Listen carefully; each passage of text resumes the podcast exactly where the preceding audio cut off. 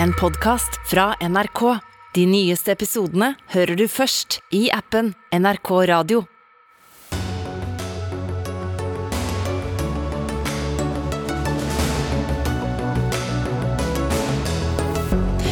Statsminister Jonas Gahr Støre møter seg selv i svingdøra. Det er dommen fra en politisk redaktør etter ansettelsen av McKinsey-rådgiver som statssekretær på statsministerens kontor. Regjeringen lovet storsatsing på energieffektivisering til husholdninger og bygg.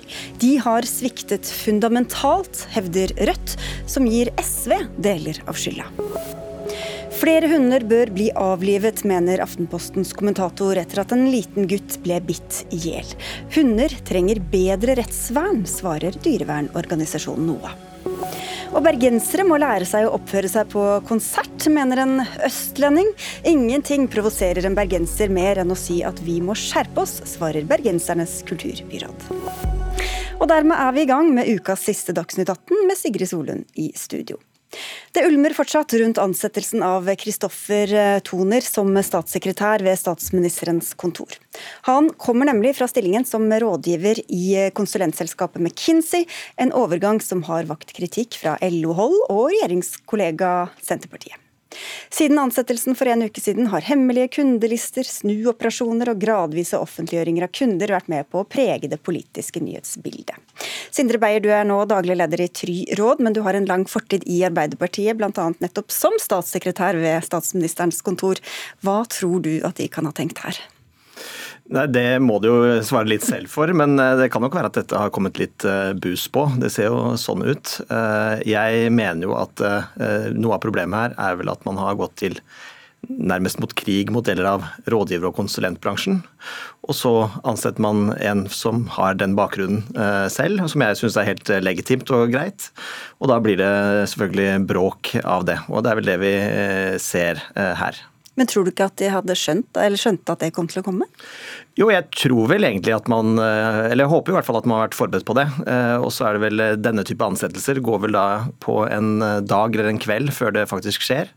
Mens normale ansettelser så er det jo ofte en måned eller to hvor man kan forberede seg på. og Så kommer dette litt, litt fort, og så kommer det galt ut. Og så møter man seg selv litt i døra fordi man har vært så harde mot den bransjen tidligere. Magnus Marsdal, du er leder i Manifest Tankesmie, venstresidas tankesmie som dere kaller dere. Hvorfor er dette så farlig? Det står jo litt i Klassekampen i dag der tillitsvalgte i Fellesforbundet, som også lokalpolitikere i Arbeiderpartiet, sier at det her hadde vi forventa fra Høyre. Og Den omstridte statssekretæren har jo også vært NHO sin kontaktperson i McKinsey. Der ofte det, det har han visst ikke gjort, har vi vært i kontakt med han som han ja, sier at det er litt fram og tilbake ja. definisjonen av kontaktperson der, da. Og, ja, han sier at han ikke har jobbet for NHO. Det som kan være Støres eh, utfordring her, handler om blant annet det med vanlige folk, som de skal bli bedre til å nå ut til. at Da går han ikke til fagbevegelsen etter rådgiver i det tilfellet her, men til arbeidsgiversida sin leie her, da, som McKinsey er i øynene på mange i fagbevegelsen, som har stått overfor dem. og Dem er selvsagt bare på oppdrag, de blir ledige av ledelsen. De er jo måte, som jeg sier, en leie her, men de oppleves å være på den andre sida. Og det er noe med fingerspitzgefühlen. For du kan gjerne si at McKinsey er et legitimt byrå, eller være uenig om det, og sånn, men når det oppleves som det gjør da, ute i fagbevegelsen, så tenker jeg at en leder i Arbeiderpartiet burde ha vite det, eller noen rundt den burde ha vite det, eh, på magefølelsen. Og her tror jeg kanskje Jonas Gahr Støre skiller seg litt fra Gro Harlem Brundtland og Jens Stoltenberg, som han ofte nevnes i samme åndedrett som, fordi de var også fra en elitebakgrunn osv. Kanskje stor avstand til folk flest, men de hadde vokst opp i Arbeiderpartiet. Vært på AUF-leir, har en nærhet til det med LO fagbevegelse og sånn, som Jonas Gahr Støre mangler. Han har jo kommet dit for han er så flink, fransk universitet og den typen flinkhet. Men akkurat den typen flinkhet vi snakker om nå, den stridsmarte følelsen på hva som går og ikke går, f.eks. i Fellesforbundet, tror jeg ikke er hans største styrke. Så på sånne områder så kan det av og til bli litt sånn mannen som skulle stelle hjemme. Jeg illustrerer jo Noe av utfordringen med denne saken er jo at det blir brukt som et eh, argument for at eh, Arbeiderpartiet eller Jonas Gahr Støre representerer noe helt annet enn det de gjør. Jeg tror man skal skille eh, denne saken. Jeg er ikke i tvil om at Kristoffer Toner er en dyktig statssekretær på statsministerens kontor, men klart at håndteringen av saken gjør jo at man kan får grobunn for en del konspirasjonsteorier som vi egentlig hører her. Ja, Er det grunnlag for dem, da? Du har jo befunnet deg på begge sider av streken. Hva syns du om oppfattelsen av der hvor du befinner deg nå? Jeg er ikke i tvil om at Kristoffer Toner kommer til å være, håndtere statssekretærgjerningen helt fint, og at det også er helt i orden at en Arbeiderpartiregjering kan ansette folk med ulik bakgrunn, ikke bare fra ett sted. Det mener jeg kanskje er noe av Arbeiderpartiets suksess, at man har hatt en varierende rekruttering, og det tror jeg man skal fortsette med. Men så er det jo disse tidligere uttalelsene, da. Fridtjof Jacobsen, politisk redaktør i Dagens Næringsliv. Du skriver at statsministeren både møter seg selv i svingdøra og dribler seg selv. Det var mye på en gang her. Ja, det er jo ikke alltid ordene strekker til eh, i den suppa her.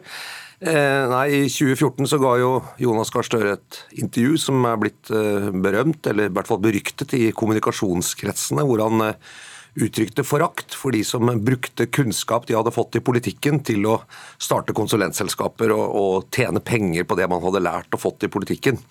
Den gangen så handlet det nok om tidligere kolleger både på statsministerens kontor og, og i regjeringen som startet First House.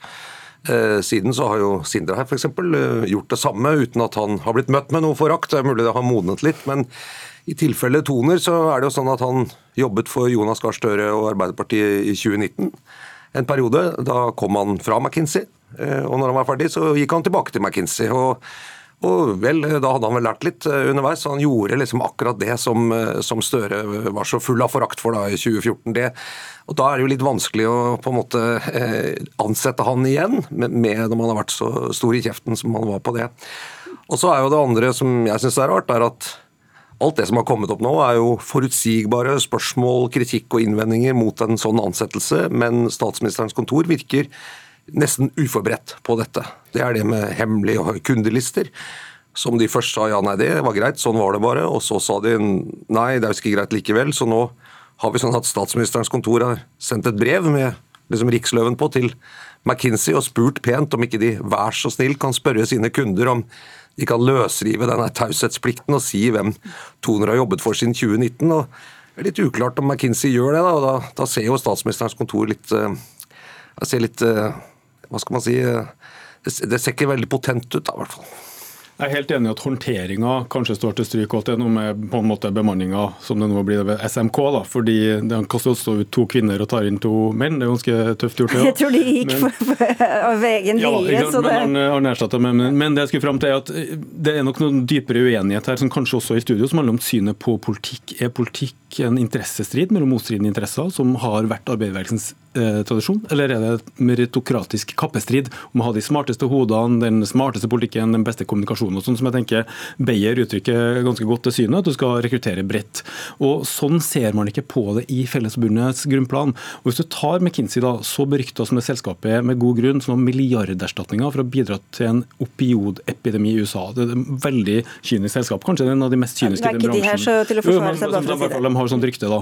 Og Da tror jeg det er legitimt å spørre om en som gjerne vil jobbe for dem, og gjerne vil være partner der, veldig egnet til å jobbe så sentralt i Arbeiderpartiet. Det er en legitim debatt, og der er det to ulike syn. Og det meritokratiske synet at bare du er flink, så kan du gjerne jobbe for oss den ene dagen, og det motsatte den andre, det synet har ikke oppslutning på grunnplanet. Jeg, jeg tror de fleste som engasjerer seg i politikk, kan ha ulik bakgrunn, og jeg tror ikke alle trenger å være, ha vært ansatt i en tenketank på venstresiden for å være kvalifisert til å, eh, å gjøre seg til talsmann for grunnplanet i Norge. Jeg tror liksom norsk, Norge er mer komplisert enn det. Jeg tror det er fornuftig med folk med ulik bakgrunn, og jeg tror det er viktig for Arbeiderpartiet å ha folk med ulik bakgrunn. Så det er, men det er, hvilken som helst bakgrunn, det er det vi spør om. Ikke ulik bakgrunn, men hvilken som helst. Det er alt greit. Nei, men, men i hvert fall man ikke skal ekskludere noen, selv om de har vært eh, rådgivere i et eh, konsulentselskap. Det kan til og med i en, i en større sammenheng være eh, bra, og jeg tror, eller jeg er helt sikker på at Toner ikke er representant for McKinsey inn i regjeringsapparatet. Han er først og fremst en engasjert person som har da lyst til å ta den jobben. Men det, det, det, Den kritikken fra Barstad, som også er kommet fra andre, den, det er jo fair nok, det må man gjerne mene. Men den beslutningen har jo Jonas Gahr Støre fattet, og hans kontor. Og sagt at ja, vi vil det. Vi vil ha han. Eh, de som sluttet, eh, var varslet for en ganske lang stund siden at de ønsket seg ut. Så de hadde ganske lang tid på seg til å finne de de mente var de rette menneskene.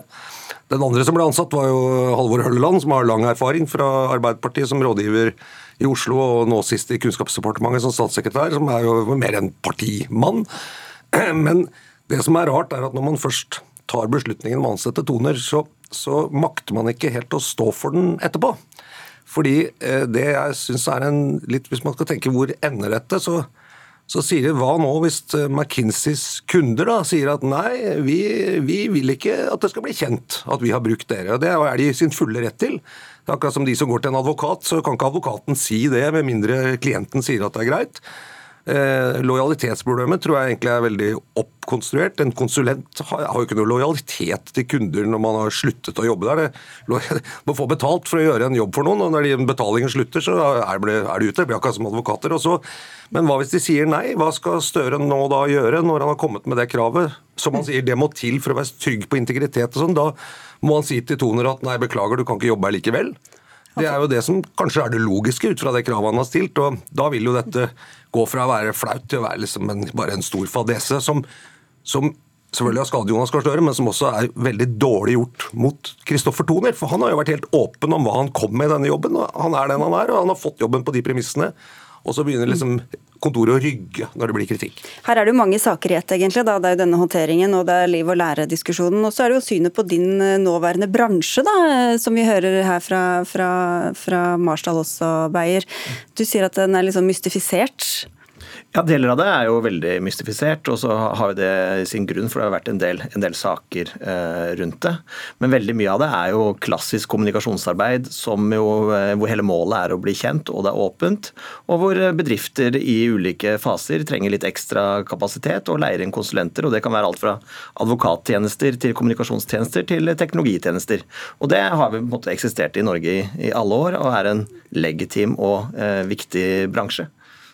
Ja, men De gjør jo mer, og McKinsey er jo mer enn bare et PR-byrå. Det er jo på en måte samfunnsaktører, riktignok i leie-her-format, som eh, etter mitt syn har sluppet veldig billig unna det som vi nevnte med den opiatskandalen i USA. Det er jo andre selskaper som altså Enron-skandalen av tidligere. Det måtte jo dem som har vært ansvarlige som Vi trenger ikke å gå så langt inn ettersom ja, ikke de er her. Altså, selskapet har, har måttet skifte navn pga. mindre ting enn det. så det, det er ikke noe grunn til å si at det er en uskyldig liten gjeng. Men samtidig så er det jo helt helt legitimt at det er kompetente folk som toner, ikke sant? som kan hentes inn til SMK, selv om de har jobba der.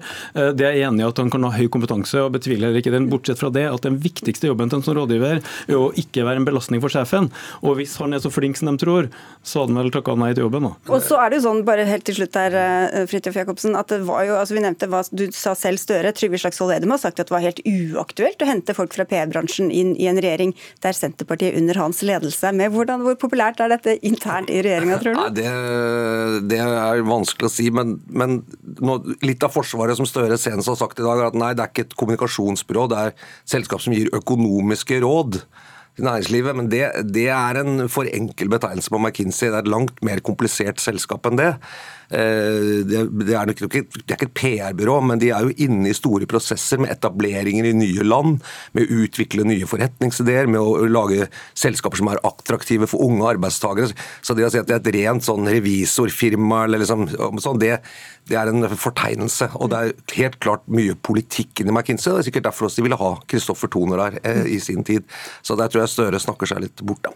Da får alle vente i spenning da, på om disse kundelistene blir åpne eller ikke. Takk skal dere ha i hvert fall alle tre. Vi har vært i kontakt med statsministerens kontor bare for å si det, og inviterte McKinsey som takket nei. Men takk skal dere ha for at dere kom, Magnus Marsdal, Fridtjof Jacobsen og Sindre Beyer.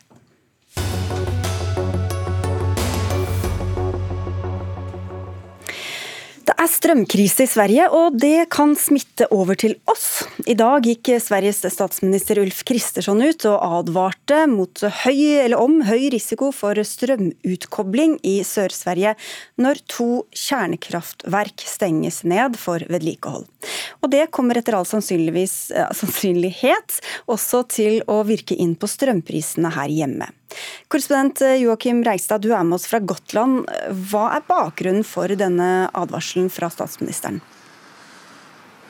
Ja, Det er rett og slett eh, slik at uh, Ulf Kristersson sier at uh, nå må vi spare strøm ikke av økonomiske grunner, men rett og slett fordi at det i løpet av helgen kan bli så stor mangel på strøm her i Sverige at man er nødt til å bryte av strømmen. Altså at man rett og slett får strømstans i deler av spesielt er det jo Sør-Sverige som er utsatt for dette, slik at man kan oppleve at det rett og slett ikke kommer strøm for kortere, lengre perioder for innbyggerne. Derfor sier han at nå må man tenke seg om, om man trenger å kjøre tørketrommelen en gang, om man trenger å ta en lang dusj, om man trenger å ha høy temperatur inne selv om det er kaldt. Kanskje kan man senke temperaturen i leilighetene og husene sine litt, i hvert fall gjennom helgen, til man har fått eh, orden på noen av disse kjernekraftverkene.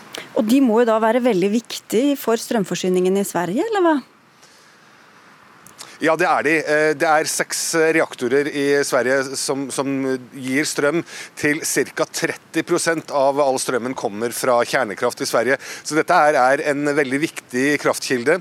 Absolutt i Sverige, og en ganske dramatisk melding som Ulf Kristersson kom med på morgenen her.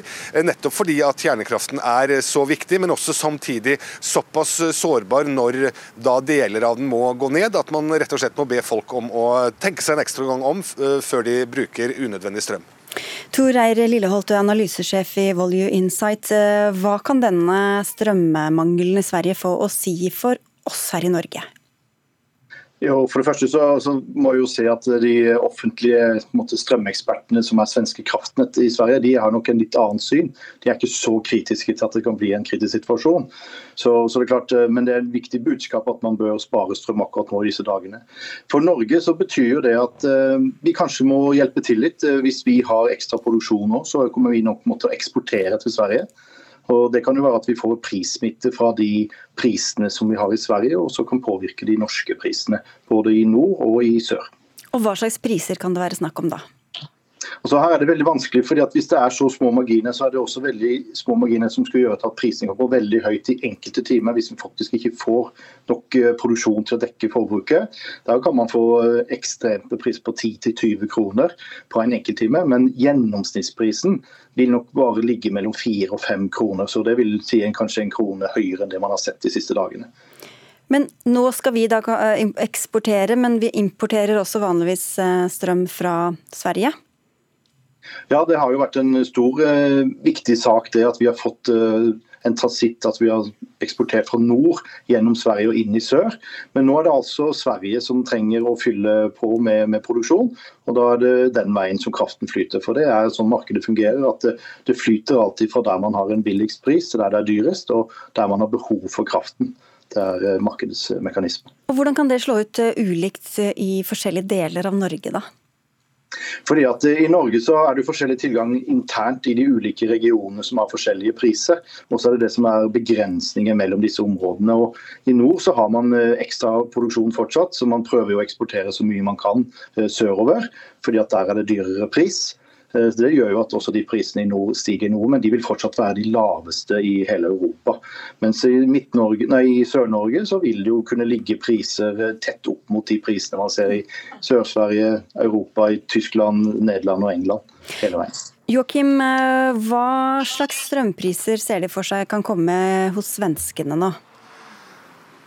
Nei, altså det, det, er jo eh, nå en ca. 50% økning man ser sånn i snitt da, mellom november og desember, slik at det har økt uh, jevnt uh, fra relativt kan man si, altså man skal ikke si at det var lave nivåer, men relativt kanskje mer normalnivåer i Stockholm og i, nei, i Sverige uh, nå i november, til at man ser ca. 50% økning.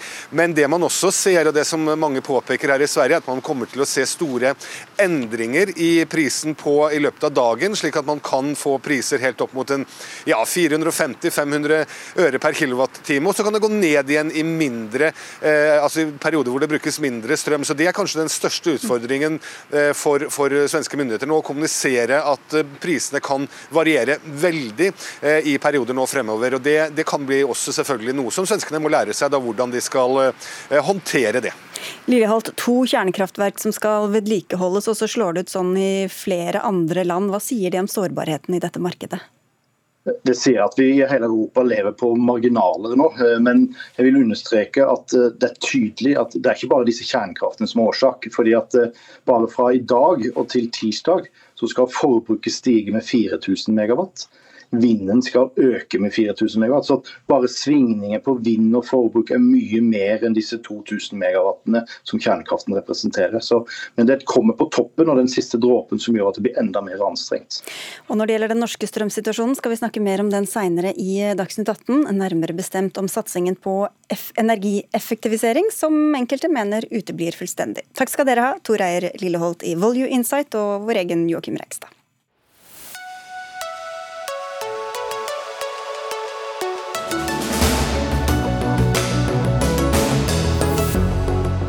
En rettssak om et tragisk dødsfall har opprørt mange nordmenn. I fjor døde en gutt på ett år og åtte måneder da han ble bitt av farmorens rottweiler. Farmoren har forklart at hunden var snill og trygg, selv om den hadde gjort alvorlig skade på barn tidligere. Og Det var eh, utgangspunktet for kommentaren din i Aftenposten, eh, der du jobber som kommentator, Therese Solien. Du hadde som overskrift 'Flere bør avlive hunden sin'. Vi skal ikke diskutere denne saken som sådan, men hva mener den at den illustrerer? Eh, den illustrerer for meg ganske tydelig at eier ikke alltid har den beste dømmekraften når det gjelder, eh, når det gjelder hunden sin. Eh, I det tilfellet her så anbefalte veterinær veldig tydelig allerede i 2016 at hunden, du må avlive hunden, sa hun. Mens eier forsvarte hunden og sa nei da, den er trygg, den er snill. I det tilfellet her så er det veldig tydelig at den vurderingen var gal, men jeg tror ikke man skal ha vært hundeeier til så veldig mange hunder eller dyr eller mus, rotte, katt før man innser at man blir veldig veldig glad i dyret sitt, og man vil forsvare det dyret innbitt, typisk. Det er ens beste venn. Det er ikke sikkert at man som eier er best egnet til å vurdere hvorvidt en hund har det godt eller ei. Og hva er det da ved systemet som du mener bør endres? Um, jeg mener først og fremst at det bør være en meldeplikt for f.eks. helsepersonellet som eh, sydde sammen den hundens første offer, en tre år gammel jente som ble bitt så langt inn i hodet at det nesten var inntil kraniet. Barnet måtte legges i narkose uh, for å bli sydd sammen igjen. Jeg mener at det helsepersonellet burde hatt en meldeplikt til politiet for å si at her er det en hund som potensielt er farlig. Jeg mener også at veterinæren, som mente at hunden var så farlig at hun ikke ville behandle den lenger, og satte i den hundens papirer en varseltrekant for å advare fremtidige veterinærer om at her har vi å gjøre med en farlig hund, burde hatt en meldeplikt til politiet, som kan vurdere hvorvidt dette er en hund som bør gå rundt omkring i samfunnet eller ei. Siri Martinsen, du er faglig leder i NOAH. Bør det være strengere? Eh, det mm, jeg har lyst til å først og fremst si, det er at de hendelsene hendelsene, også denne tragedien her, de har jo skjedd mens vi har, en, eh, har hatt en hundelov som, som faktisk kom til etter nettopp denne type tragedier. Så den var ment å være liksom veldig streng. Um, men, men, hva betyr streng? Det man har gjort, er å ha totalt fokus på avliving av hunden. Akkurat som det som er hunden alene som er problem. Og det er jo uh, ikke veldig faglig riktig, for ofte er det jo veldig mye uh, med situasjonen rundt. Mye med eier, eiers ansvar, uh, hvordan eier har behandlet hund, hvordan eier har, altså hva slags forståelse eier har for, for hundeatferd, rett og slett. Så det vi har fått nå, eh, fra og med januar, så får vi en ny hundelov som, eh, som du sier, som gir hunder bedre rettssikkerhet og hundeeiere bedre rettssikkerhet. Men jeg mener også at den er tryggere for samfunnet. Fordi den ikke har liksom dette enøyde fokuset på avliving, men ser at man kan gripe inn tidligere, forebygge, at det er flere typer tiltak. Eh, og det gjør også folk flest tryggere på politiet, og at man kan melde fra om saker. Fordi det eneste svaret er ikke alltid avliving. Du sier at den går i feil retning, Solin? Ja, jeg er uh, i likhet med Martinsen fornøyd med at det er kommet inn uh, en slags kontrollinstans hvor det ikke skal være sånn at politiet sier ok, den hunden skal avlives, og så er det ferdig med det. For det er ingen tvil om at det er urettmessige uh, vedtak innimellom om avlivning. Men jeg mener at selv om det er positivt at hunder og hundeeiere får et sterkere vern, så burde også hunde, altså bitehunders ofre få et sterkere vern, i den forstand at F.eks. å ta inn en vurdering om meldeplikt. Det syns jeg burde vært med i den nye loven. Og her må jeg også legge til at dette sier jeg ikke som noen hundehater. Jeg er veldig glad i hunder og ønsker at de skal ha det veldig godt. Og jeg tror nok at det ikke kan være noe særlig tvil om at en hund som biter mennesker, er en hund som ikke har det godt. Enten den er syk, eller den er utrygg, eller den er redd over tid. Og det er ikke sikkert at hundeeieren som har bitehunden, er best egnet til å vurdere hvorvidt den skal fortsette å leve eller ei. Og det, det, er det jo heller ikke med, med, den loven. Det er ikke så mye som er endret akkurat med det. Politiet har fortsatt myndighet. Vi mener jo at eh, en positiv ting som har kommet inn i den nye, altså flere positive ting har kommet inn i den nye loven. For det første så har man eh, eh mer nyansert eh, syn på virkemidler. altså F.eks. hvis det er en rift fra en tann eller klo som har kommet i, faktisk i lek, eller av ja, en, en, situasjon som en hvilken som helst normal hund kan komme i, så er det selvfølgelig veldig feil å reagere på samme måte som en veldig alvorlig bitthendelse. ikke sant? Så Man må på en måte ha et spekter av reaksjonsmidler, og det har man nå fått i den nye loven. I motsetning til det vi har hatt til i dag, hvor avliving har vært svaret på alt. Og Vi ser jo at det kan faktisk føre til et mer spent forhold til hund. Altså Hundeeiere blir reddere, hunder blir reddere, og det, det blir et dårligere klima. Men, men, ta, fått, ta, dette ja. med den eh, meldeplikten, meldeplikten hos veterinærer. Uh, ja, det må i så fall utredes, for det kan jo selvfølgelig få utilsiktede konsekvenser også. og jeg tenker at Hvis man skal ha en meldeplikt, det kan man godt diskutere. Det må i så fall da helst være knytta til uh, alvorlige skader. og Det man også har fått i den nye loven fra januar, det er at man har en rangering av alvorlighetsgrad av bitt. Det hadde man ikke i det hele tatt tidligere. og det, altså Alvorlighetsgraden av bittet det sier ganske mye om situasjonen, og, og også om hunden. Så Det er et, også et viktig tilskudd til denne loven. Vi, uh, vi, er positive til at også ved avlivingsvedtak da, så skal politiet konsultere en veterinær for å se om det faktisk er behandlingsbar sykdom som ligger bak. Men vi ønsket også at man skulle ha en atferdskonsulent som da eh, vurderer hunden. For det gir også en større trygghet både til hunden og eier, men også til samfunnet. At man gjør de rette vurderingene, rett og slett. Men hvorfor skal, eller når skal hunder som har bitt noen alvorlig, ikke bli avlivet, da? Um, Eh, nei, det er jo vel egentlig ikke spørsmålet. fordi at uh, man uh, Er det en veldig alvorlig hendelse, så, så, er det jo det man velger. Men poenget med den nye loven er jo ikke å endre, endre politikken i de mest alvorlige hendelsene. Det er å se at dette er dette, Altså, hunder skal ikke kun behandles som om enhver hendelse, et rift fra en klo, enhver liten hendelse er like alvorlig som de mest alvorlige. Så man har fått en nyansering som faktisk kan skille de mest alvorlige hendelsene, som fortsatt da vil ende med, med eh, avliving, fra de hendelsene som ikke burde gjøre det. Og Da får man jo også en større tillit til rettssystemet og til politiet, når man har en lov som den vi får i januar. Er det gitt at mennesker får dårligere vern eh, ved at hunder får dårligere vern, eh, Therese Solin? Nei da. Eh, jeg tror ikke Siri Martinsen og jeg står så veldig langt fra hverandre. Det jeg imidlertid ønsker, er en meldeplikt. Særlig f.eks. Eh, fra helsepersonell som må eh, reparere skadene. Det var 11 000 mennesker som ble sendt til lege i fjor etter å ha blitt bitt av en hund. Selvfølgelig, Mange av dette, disse hendelsene kan ha kommet fra en klo eller lek eller et stupt etter samme pinne. hva som helst. Men når det er alvorlige hendelser, så syns jeg det er merkelig at ikke både folk som er glad i hunder, som er interessert i at hunder eh, som har det dårlig, ikke blir oppdaget av systemet, og mennesker som blir ofre for hunder som ikke har det godt, ikke har et bedre vern. Det, det, kan absolutt være fornuftig med meldeplikt, og vi har jo vært opptatt av det i forbindelse med dyremishandling. Man har jo også hatt en situasjon hvor både si, helsepersonell og veterinærer har trodd at de ikke ikke eh, kan melde fra, selv om de vil. Men det kan man altså. Man kan absolutt melde fra. Og i forhold til alvorlige saker, ja, så kan man definitivt vurdere en meldeplikt, men da er man også eh, avhengig av at eh, folk har tillit til systemet, folk har tillit til politiet, at det er faglige vurderinger, hundefaglige vurderinger også da som kommer inn i bildet. Ellers så kan man få utilsiktede konsekvenser òg, at folk rett og slett ikke går til lege eller veterinær. Hvor lett er det for en veterinær som har en hund inne en gang, å, sjekke, å skjønne om den bare er stressa eller om den faktisk er farlig i andre situasjoner? Da? Det kan faktisk være ganske vanskelig. og vi skal også, eh, Jeg er selv veterinær, og vi skal være ganske ærlige på å innrømme at eh, etologiutdannelsen vi har eh, som veterinærer, er ikke, mm, den er ikke all verden. Så det er derfor NOAH mente at politiet i tillegg til en veterinæruttalelse burde få en fra en atferdskonsulent i forbindelse med denne type saker. Fordi at en hund er veldig stresset på et veterinærkontor, det betyr ikke at den er farlig generelt, altså. Nå kommer det altså en ny lov uh, i januar, så får vi si tusen takk til dere i denne omgang, Therese Solin fra Aftenposten og Siri Martinsen fra NOA.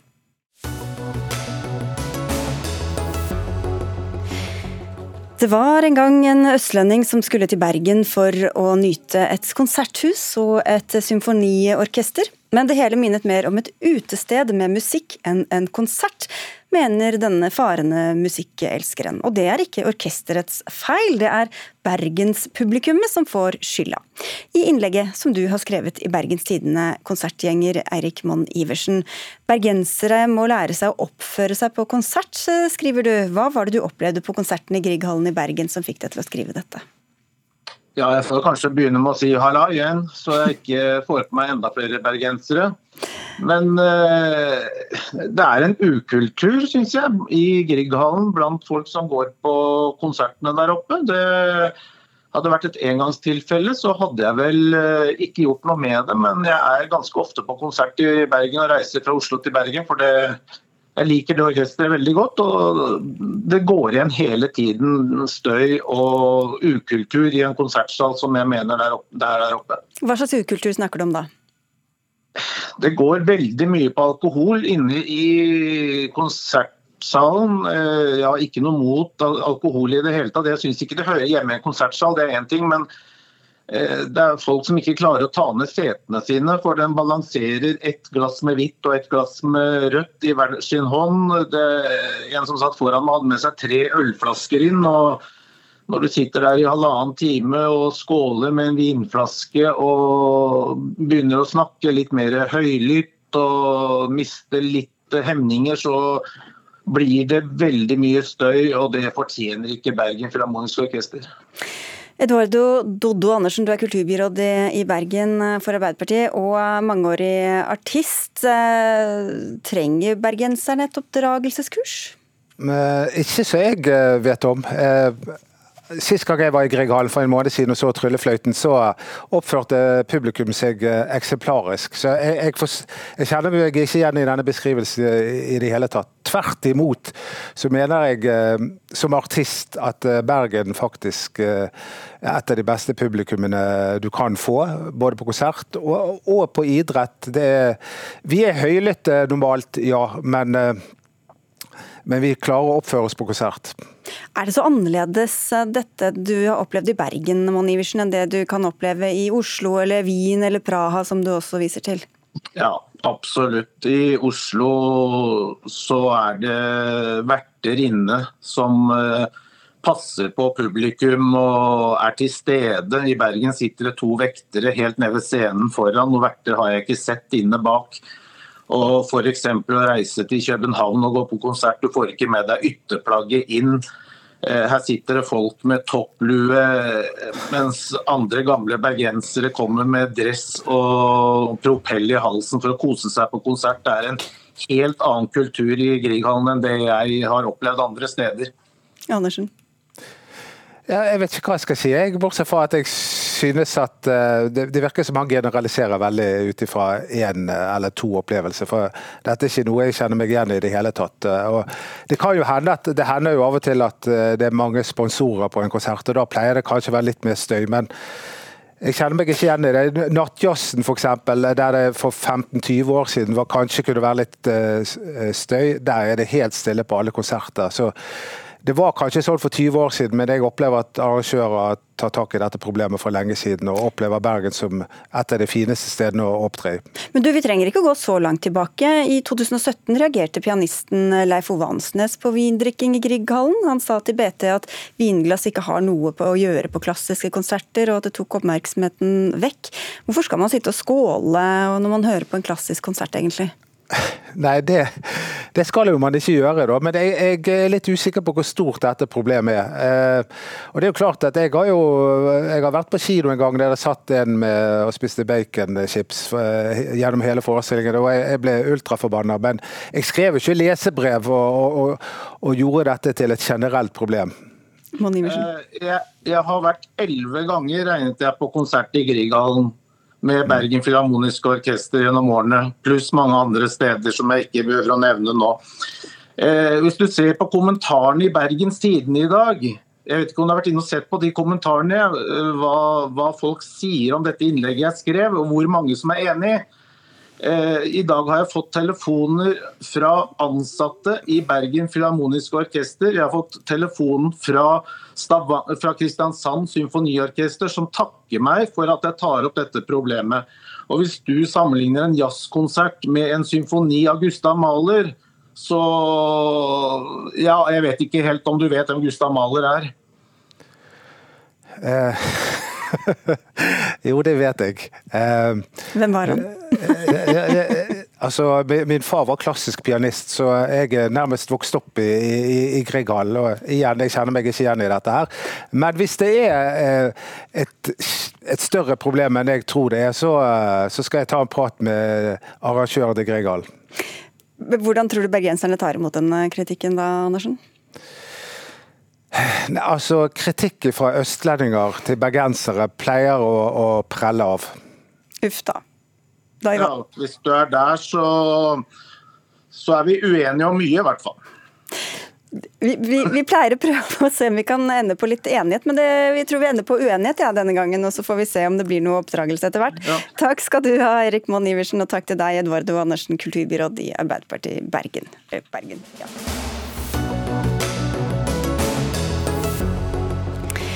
En formidabel satsing på energieffektivisering til husholdninger og bygg. Det var det regjeringa lovte i forslaget til statsbudsjett. Men etter budsjettavtalen med SV får de nå kraftig kritikk fra deg, både i Klassekampen og Dagsavisen. Sofie Marhaug, du sitter på Stortinget for Rødt. Hva gikk galt?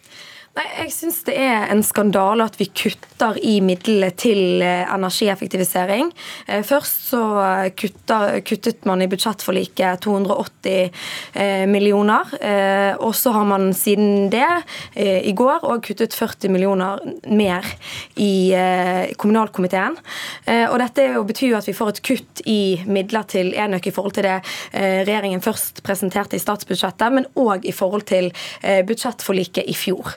Og det er en skandale fordi at det er en tverrpolitisk enighet om at vi er nødt til å redusere kraftforbruket i bygg. Og for å få til det, så er vi nødt til å bruke penger på det. Det er ingen annen vei utenom.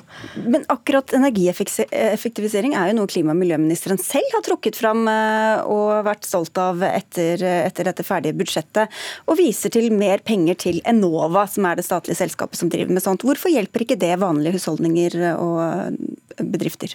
Nei, Jeg har stilt et eh, skriftlig spørsmål til Espen Barth Eide og spurt om de økte midlene til Enova eh, kan gå til energieffektivisering. og Svaret jeg har fått på det skriftlig, er nei.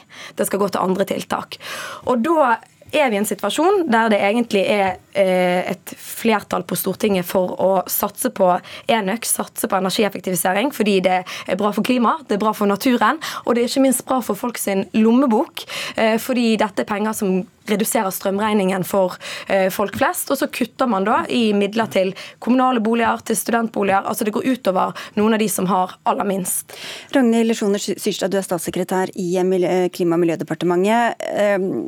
Dere lovte lovte altså en styrking, og siden er det kuttet flere ganger. Hva slags styrking er det? Det Rødt sier er feil. Det blir en øking neste år på 60% Og Det er i den satsinga som vi gjør mot eh, de mest utsatte gruppene som trenger hjelp fra staten til å spare strøm mest. Det er for første gang eh, lagt om sånn at eh, det er Husbanken som får en aktiv rolle i energieffektiviseringspolitikken. Og Det er vi stolt over, fordi vi mener at det er riktig at staten hjelper dem som trenger hjelp, og ikke middelklassen som klarer å investere i varmepumpe, kjent teknologi, helt sjøl. Så det Rødt her tar til orde for, er å bruke fellesskapets midler på å sponse varmepumper til øvre middelklasse. Det mener vi er feil. Eh, så skal Enova være med å støtte ny teknologi, sånn at det blir billigere på sikt, mer konkurranse, flere aktører, og flytte den modne teknologien ut i markedet, så vi får fart på flere løsninger. Det bidrar til varige lave priser for folk. Vi er redd for at eh, prisene øker hvis man pøser på med mer penger, fordi vi må se det her i en større sammenheng. Regjeringa har også en strømstøtteordning hvor vi setter som krav at enhver mottaker må gjøre en energikartlegging for å få støtte. I tillegg er det et insentiv til å gjøre mer eh, energi energiinvesteringer. Hvis, eh, Nå snakker du om næringslivet. Ja, og i sum så er det her de samme energibesparende tiltakene, så vi må passe på at eh, prisene ikke stiger på akkurat de her eh, tjenestene. Og så er det veldig viktig som, Du trenger ikke ta alt på en gang, du kan komme tilbake til det. Men Enova har jo dette oppdraget. De skal bidra til ny teknologi, eh, skyve fram det grønne skiftet, ikke hjelpe folk som egentlig har råd til det, og etterisolere trekkfulle vinduer? Ja, men Det som vi har sagt på Stortinget, er at nå trenger vi å eh, energieffektivisere. fordi at eh, alle politikerne snakker om et eh, kraftunderskudd, at vi går mot et kraftunderskudd. Og det eneste som monner på kort sikt, som fungerer i den energi-, klima- og naturkrisen vi er i nå, og òg mot de høye strømprisene, det er å bruke penger på energieffektivisering. Og folk med vanlig og dårlig råd, de har ikke en buffer til å kjøpe varmepumpe, til å etterisolere. Og de pengene man kutter i nå, er penger til kommunale boliger, det er penger i Husbanken, og så kan du snakke om eh, næringslivet og den strømstøtten. Der for det første Vestre sagt at skal utbetales utbetales hovedsakelig før jul, ikke til neste år. Vi, vi, vi prøver å, å, holde oss til våre egne hus, holdt jeg på å si. Altså, og hvorfor skal egentlig staten ikke hjelpe oss til å ta disse valgene, som jo er klokt både for oss og for samfunnet? Det er veldig viktig at vi stiller oss spørsmålet eh, hvor havner pengene? For vi ser eh, etter mye erfaring gjennom Enova at det er mye tilpasninger i markedet. Et veldig godt eksempel på det var da Enova bestemte å støtte halvparten av kostnaden på energieffektivisering opp til 5000 kroner. Vips, så ble prisen 10 000. Det er veldig uønska effekt, som vi ikke eh, ønsker velkommen. Og Så må vi se på dem som da ønsker å skumme fløten fra det her, leverandører og produsenter, som utnytter at staten kommer og kjøper tjenesten. Hvem er det som eier det? Jo, Elkjøp, en utenlandsk eh, eid. Det samme er en varmepumpe Toshiba, som er, er, er godt produsert i Japan. Sånn at eh, Det er overraskende her at Rødt er så ukritisk er villig til å bruke fellesskapets midler og kanalisere det direkte overføring til utenlandske kapitaleiere, for det er det som er effekten. Det hentes ut i leverandørleddet, og det vil vi eh, forhindre? Nei, Effekten er at folk får lavere strømregning, og at vi reduserer energiforbruket. og Det trodde jeg det var politisk enighet om at eh, flere enn Rødt ønsket det. Men når det kommer til stykket, så så nedprioriterer man det i hestehandel i budsjettforhandlinger. Og Det gjorde de da med dere, Lars Haltbrekken. Du sitter på Stortinget for eh, SV. Hvem er du egentlig enig med her? Bør folk i middelklassen, som vi hørte her, eller de med vanlig råd, altså avhengig av hvem man spør, få penger til å skifte vinduer og sette inn varmepumpe? Selvfølgelig må folk få hjelp, økonomisk hjelp til å skifte ut vinduer og installere energieffektiviserende tiltak som bidrar til å redusere strømforbruket eh, og hjelpe folk også gjennom eh, en vinter med skyhøye strømpriser. Og dette har også et eh, enstemmig storting slått fast tidligere i høst, så her forventer vi at regjeringa følger opp det som Stortinget har vedtatt, også da med Arbeiderpartiets støtte. Men, men hvordan, ja, hvordan kan det da ha seg at dere gikk inn i et rom Eh, og da dere forlot det, så var det blitt mindre penger til dette? Så fikk vi gjennomslag for 900 millioner ekstra til Enova i budsjettavtalen eh, med regjeringa. Og så er det helt riktig at det ble kutta i eh, støtten til enøk på noen andre departement. De kuttene skulle vi gjerne ha vært foruten, og det var ikke våre forslag å kutte de. Men samla sett så har vi da fått økt støtten. Men de pengene til Enova går jo ikke til vanlige folk? Jo, men det har Stortinget vedtatt at man skal gi støtte til folk gjennom Enova til energieffektiviserende tiltak, som varmepumper, som etterisolering, som utskifting av vinduer. Så Det forventer vi at uh, regjeringa stiller opp med. Og energieffektivisering er jo også et viktig eh, klimatiltak. Og vi fikk forhandla inn mer penger til Enova, og samla sett så er det mer penger på dette nå enn når Men nå sier jo dere egentlig to forskjellige ting, da. Vi er enige om at energieffektivisering er viktig, og det er fremdeles ja, men hva skal disse penger skal, skal, vi få mer penger til eh, Den denne gjengen, eller ikke? Økte midler, ja. Eh, det er en økning eh, for, i Husbanken på 60 til neste år. Sånn at det kuttet i hermetegn som blir lagt frem her, det er en redusert økning som skal finansiere at vi nå ser at det er en ekstra kutt. kuttet fra dere la frem budsjettet Nei, til det er en mindre økning, fordi det ble helt prekært at vi økte satsene for dem som nå går, er, er, har barn og er ledige. Arbeidsavklaringspengene måtte øke. Eh, ja, og da tok dere. Og bostøtte, eh, ikke minst. For vi ville ikke, eh, vi må forhindre at de mista bostøtte. Altså man, så det har økt, og det var eh, det mest prekære akkurat Det man gjør nå, er at man tar fra de fattige for å gi sikkert gi noe til de fattige. Men alle som trenger å skifte ut eh, vinduer? De som man tar fra, der man har kuttet, det er kommunale boliger og det er studentsamskipnaden. Altså det er leietakere. Og det mener jeg faktisk er den gruppen som ikke får eh, så mye hjelp noe annet sted, og de får i hvert fall ikke hjelp fra Enova. Så å kalle det middelklassen, det er med respekt å melde ikke så veldig rettferdig. Husbanken En av gangen, er så ingen som hører noen ting. Ja, er, er kommunal, tror, tror du det er veldig mange middelklassefolk som bor i kommunale boliger? De får støtte i dag. Vi gir penger til dem. De får mer neste år. Nei, det er en redusert bevilgning i forhold til forslaget, fordi det var mer prekært å hjelpe dem som nå går arbeidsledig og har eh, barn. Minstepensjonen måtte øke. Det var et finansieringsspørsmål helt på tampen her, men det er fremdeles en reell økning fra i år til neste år til nettopp dem i kommunale boliger, eh, som på økning på 60 millioner. Ok, Så det, det, det er flyttet en del penger her, men Haltbrekken, hvor mange av de pengene som dere sørget for til ekstra til Enova, skal da gå til denne type energieffektivisering? Det er ikke spesifisert, men vi forventer at det blir en økt satsing på energieffektivisering i de tusen hjem. For det trenger vi nå, både av hensyn til klimaet av hensyn til naturkrisen, og ikke minst av hensyn til folks uh, anstrengte økonomi i uh, ei dyrtid. Så vi kommer til å jobbe for det. Og så kommer vi også til å jobbe framover for å få tilbake de uh, pengene som ble kutta i eh, studentboliger og kommunale boliger, sånn at vi kan få en større satsing på det, eh, enda større satsing på det også framover. Men i sum eh, så er bevilgningene til Enova og da disse tingene gått opp. Men, men, vi har jo snakket om dette før. I fjor klarte ikke Enova engang å dele ut pengene fra den støtten som var ment å gå til mm. sånne type tiltak. Vi har fått høre mange ganger at det er ikke det Enova egentlig skal holde på med. Og så vet vi ikke heller nå hvor mange av disse pengene som skal gå til sånne type tiltak, som også har hatt ganske strenge krav krav til at du skal uh, ta hele boligen, f.eks. Hvis du først skal og der, og gradere opp. Og der har Stortinget sagt også tidligere i høst at regelverket for å få støtte fra Enova må bli enklere. Tidligere så måtte du ha oppgradert hele boligen din, etterisolert hele boligen din dersom du skal få støtte. Nå har Stortinget sagt at det skal holde å etterisolere én vegg skifte ut noen vinduer, ikke nødvendigvis alle, og få støtte. Og Det er klart at det regelverket som har vært hos Enova, har vært for tungvint, og kan nok være noe av forklaringa på hvorfor man ikke har fått brukt opp alle pengene. Men Syrstad, det høres jo dette ut som dette er noe dere egentlig ikke ønsker da, at pengene skal gå til? Vi skal vurdere de tiltakene som har kommet i Stortinget i høst på det, og gjøre forbedringer ennå. Det skal vi jo alltid eh, jo, men Du har jo akkurat sittet og argumentert mot at vi skal få disse, den, og Det er med, med, god grunn, fordi vi er redd for at det betyr økte priser på den eh, ja, Så dere har, dere har blitt enige om noe som dere ikke er enige om hva dere er enige om, da? er dere enige om det? At dere ikke er enige om hva dere er enige om? Den enigheten som kom tidligere i høst, og som da sa fra Stortinget at regjeringa må komme med bedre støtteordninger og også gi støtte til folk som skal skifte ut vinduer, varmepumper osv. Den kom uh, tidligere høst, og den ligger der fortsatt. Og den det høres ikke ut som hun har tenkt å følge opp det så veldig. Det vi skal følge opp de forslagene. Det forventer vi at, at uh, regjeringa gjør, og det var jo vedtak gjort også med Arbeiderpartiet og Senterpartiet sine stemmer. Dette var 19.9. Men det, altså, det, er helt riktig at Stortinget på det ekstraordinære strømmøtet ønsket å eh, stramme grepet overfor Enova, men så får jo vi signaler fra statsråden om at de ikke har tenkt å gjøre det, og i tillegg kuttes det i de midlene som går eh, via Husbanken og andre steder. Da.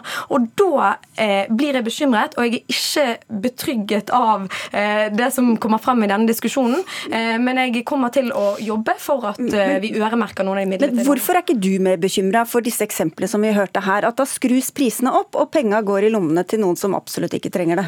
Jeg er mye mer bekymret for den energikrisen. Men eh, ser du at det kan skje? At det kan være en konsekvens? Ja, men det kan òg være en konsekvens når man gir eh, støtte til næringslivet, som man akkurat snakket om. Så jeg føler ikke det er noe sammenheng i eh, resonnementet fra regjeringen. Og det jeg mener er viktig nå, er at eh, folk får støtte til å effektivisere, betale strømregningene sine og få ned forbruket. Om en varmepumpeprodusent får penger, og tjener penger på det, så er det helt greit. Elisabeth Bergskau, du er nisjeredaktør i det nye Alltinget, en nøytral nettavis som følger også dette, dette feltet.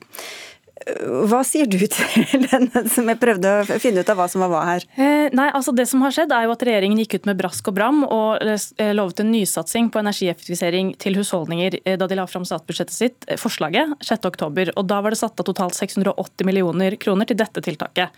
Dette er jo nye penger, som statssekretæren påpeker. Så dette er jo ikke eh, når de redus, Det de nå har gjort, er at de har redusert de 680 millionene til Altså Kuttet kommer mellom forslaget og det nettopp, som faktisk ble Ikke et kutt fra i fjor, men et kutt bare fra nettopp, forslag til og det, det, gjør nok ganske vondt for SV. Som Haltbrekken er inne på, så tror jeg SV skulle gjerne hatt begge deler. De skulle gjerne hatt eh, disse enøkmidlene og midlene til Enova.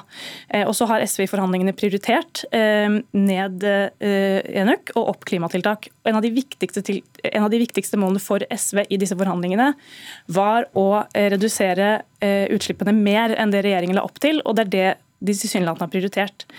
For hvis SV virkelig ønsket å prioritere eh, enøk-tiltak, så er, kan ikke jeg se at det, altså det, ser ut som det kunne vært mulig å beholde 280 millioner til dette eh, enøk-midlene, og samtidig eh, redusert de nye Enova-midlene tilsvarende, altså gitt mindre til Enova og beholdt disse midlene til, til enøk. Nå får vi mange rare ansiktsuttrykk fra halvtrekken her. Men, men, hva vet vi om hvor, hvor virkningsfullt energieffektivisering er både i næringsbygg og hjemme hos folk? Altså, det er veldig virkningsfullt som et tiltak for å spare strøm. Akkurat nå så mener Statnett at Norge går mot et kraftunderskudd i 2027. Uh, og en av uh, Norges største satsinger i klimapolitikken er å elektrifisere alt som kan elektrifiseres. Det være seg bilparken, sjøfarten uh, og sokkelen. Og Da trenger vi mer kraft. Og På kort sikt så er det rett og slett energieffektivisering og solenergi som kan gi det. På lengre sikt så vil satsing på havvind, landvind, energioppgradering av effektoppgradering av vannkraftverk også hjelpe. Men skal vi klare å unngå dette effektunderskuddet, energi, eh, kraftunderskuddet, så er nok energieffektivering veldig viktig. Og NVE slår fast at tiltak for å få til energieffektivisering i Norge til nå har hatt en veldig stor effekt og gjort at vi bruker betydelig mindre energi i dag enn vi ellers hadde gjort. Og de sier at potensialet for å spare i framtiden også er veldig stort. Og Det har jo mange sagt i mange år, så hvorfor har det ikke skjedd noe mer? Det har jo skjedd noe. Eh, det er ikke sånn at det ikke har skjedd noen ting, og at regjeringen eller politikerne ikke gjør noen ting. Eh, men, eh, men det er jo dette dilemmaet med man, altså, hva, hvem pengene går til og hva de brukes til, og dette balansen mellom um, hvis vi gir støtte, hva skjer da med prisen osv., og, så videre, og hvem er det pengene går til. Mm. Men her er det et viktig fordelingsspørsmål eh, nå. Som strømprisene er så høye, så er det jo de med, hardest, altså de med dårligst råd som merker det mest, og som også kunne hatt mest nytte av energieffektivisering, som hadde fått ned strømprisene. Eh, så det er jo det som er eh, det interessante politiske spørsmålet her. Her er det mange kapitler som skal komme. Takk skal dere ha alle fire. Elisabeth Bergskau fra Alltinget, som vi hørte sist her. Lars Haltbrekken fra SV, statssekretær eh, Ragnhild Sjoner Syrstad fra Arbeiderpartiet og Rødts Sofie Marhaug.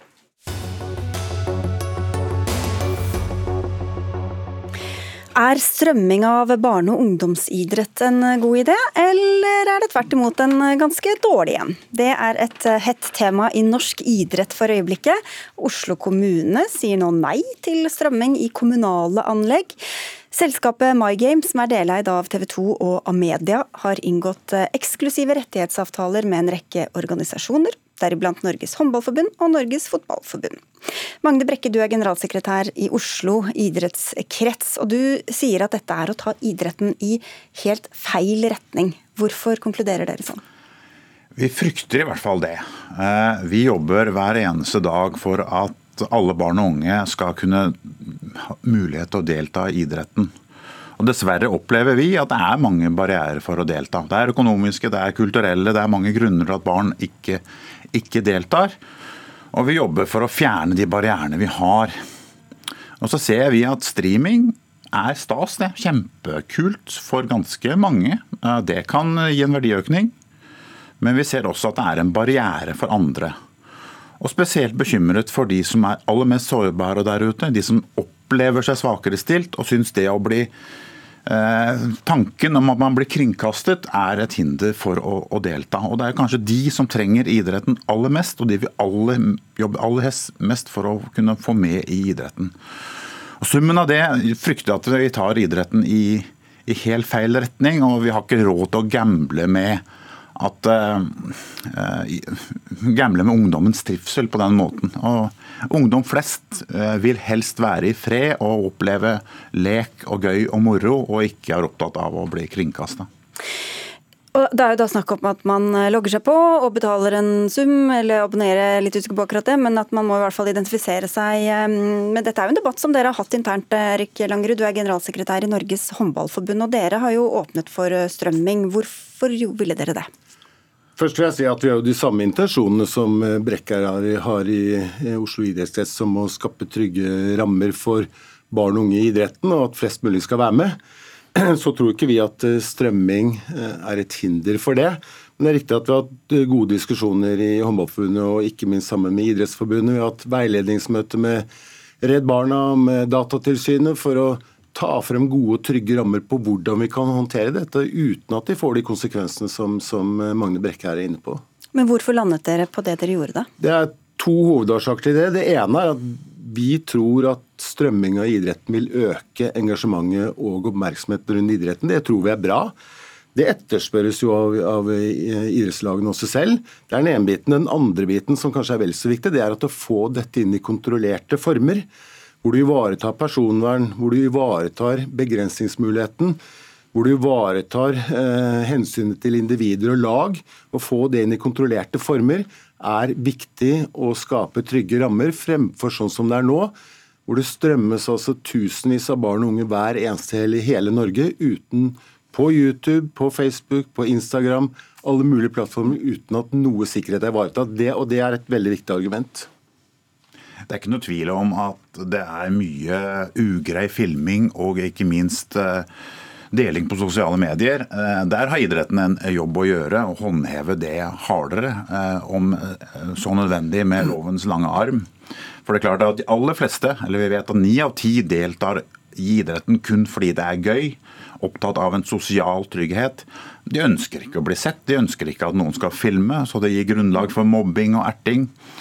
Og, og, tror at, og de oppleves jo En samfunnsutfordring nummer én er prestasjonspress. Brå overgang fra barneskole til ungdomsskole. Ungdomsidretten bidrar til et prestasjonspress. Synliggjøring og publisering er vi redd for forsterker det. Det Men, det siste de trenger. Hvorfor tror ikke du at dette kan øke engasjementet, som vi hørte der? At flere kan se på når de ser det hjemmefra? Det tror jeg nok at det kan gjøre for noen. Eh, samtidig så er en av våre største utfordringer er sviktende frivillighet. Vi ønsker ikke at foreldre og besteforeldre skal sitte hjemme og se på. Vi, vi ønsker å få det på banen. Skal vi nå fram til nye frivillige, så må de stille opp. Det kan være kaldt, det kan være surt, det kan være vått, men det trenger vi. Og Da frister det mer å sitte hjemme, men eh, Men, men det er ikke noen motsetning i dette her. Vi har det samme interessen der også når det gjelder frivillighet, men, men jeg skjønner ikke den koblingen til til det. For dette er jo nettopp de som ikke kommer seg på kamp. Som, det, som dette vil være et godt uh, Du tror ikke at folk velger å sitte hjemme framfor å gå på kampen ute i regnværet? hvis man kan... Det vil være Noe, selvfølgelig, men i utgangspunktet så ønsker du alltid å se kampen live. Og så vil jeg bare si at Vi opplever egentlig helt det motsatte av det som Magne Brekke sier. Vi opplever at klubber ønsker å streame. De ønsker å sende, de ønsker å vise seg frem, de ønsker å bli sett. Og ikke sånn som Brekke sier at man ikke ønsker det. så Det er de tilbakemeldingene vi får. Og så er det jo sånn at det, det er ingen som tvinger filming på noen klubber. Enhver klubb som sier at dette ønsker vi ikke, de blir ikke filmet eller streamet. Så dette er jo en valgfrihet som klubbene selv tar, og ikke noe som Håndballforbundet eller andre tvinger på på klubbene. Her kan du velge. Hvis du ikke ønsker men hvis, det, så Hvis klubben vil, men det er kanskje to spillere som ikke har lyst, da? Da kan du reservere deg. Og det kan du gjøre anonymt. Og det, De listene vaskes hver eneste dag. Så reserverer du deg, så er det ikke mulig å starte kampen på stream. Så det er mange gode mekanismer som gjør at de som har en, en begrensning, ikke ønsker om å bli streamet, eller som har en eller annen årsak til at du ikke skal bli vist, de kan anonymt reservere seg. Da er det ikke mulig å streame kampen. Og nettopp dette er jo kjernen i å ivareta personvernet, som ikke ivaretas i all den filmingen som gjør i dag. Det er jo ikke noe tvil om at det er klubber som veldig gjerne vil ha dette. Det kan til og med skape inntekter. Det er mange foreldre og besteforeldre og venner der ute som gjerne vil ha dette. Det er for meg egentlig helt irrelevant. Spørsmålet er hva er barnas beste? Hva tjener dem? Og Det er det eneste argumentet man skal høre på. Jeg har ikke sett noen faglig utredning som sier at dette ikke kan ha en konsekvens for barn og unge. Man må finne ut av Den vurderingen er faktisk ikke foretatt. Det er en del synsing og betraktninger. Men dette er en så alvorlig utfordring eh, og kan ha en konsekvens. Hvis, det hjelper ikke om majoriteten vil ha det, hvis det går utover de svakere stilte blant oss.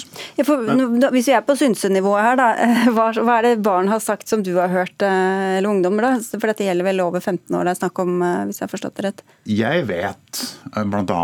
fra egne barn at de syns det er ubekvemt, både det er publikum og at det blir filma. De vil helst drive sin aktivitet helt i fred og vet at hvis det, er noen som skal, hvis det blir kringkastet, så, så, vil de binde seg, og de vil helst ikke delta. Det, det, er, det vet vi gjelder mange.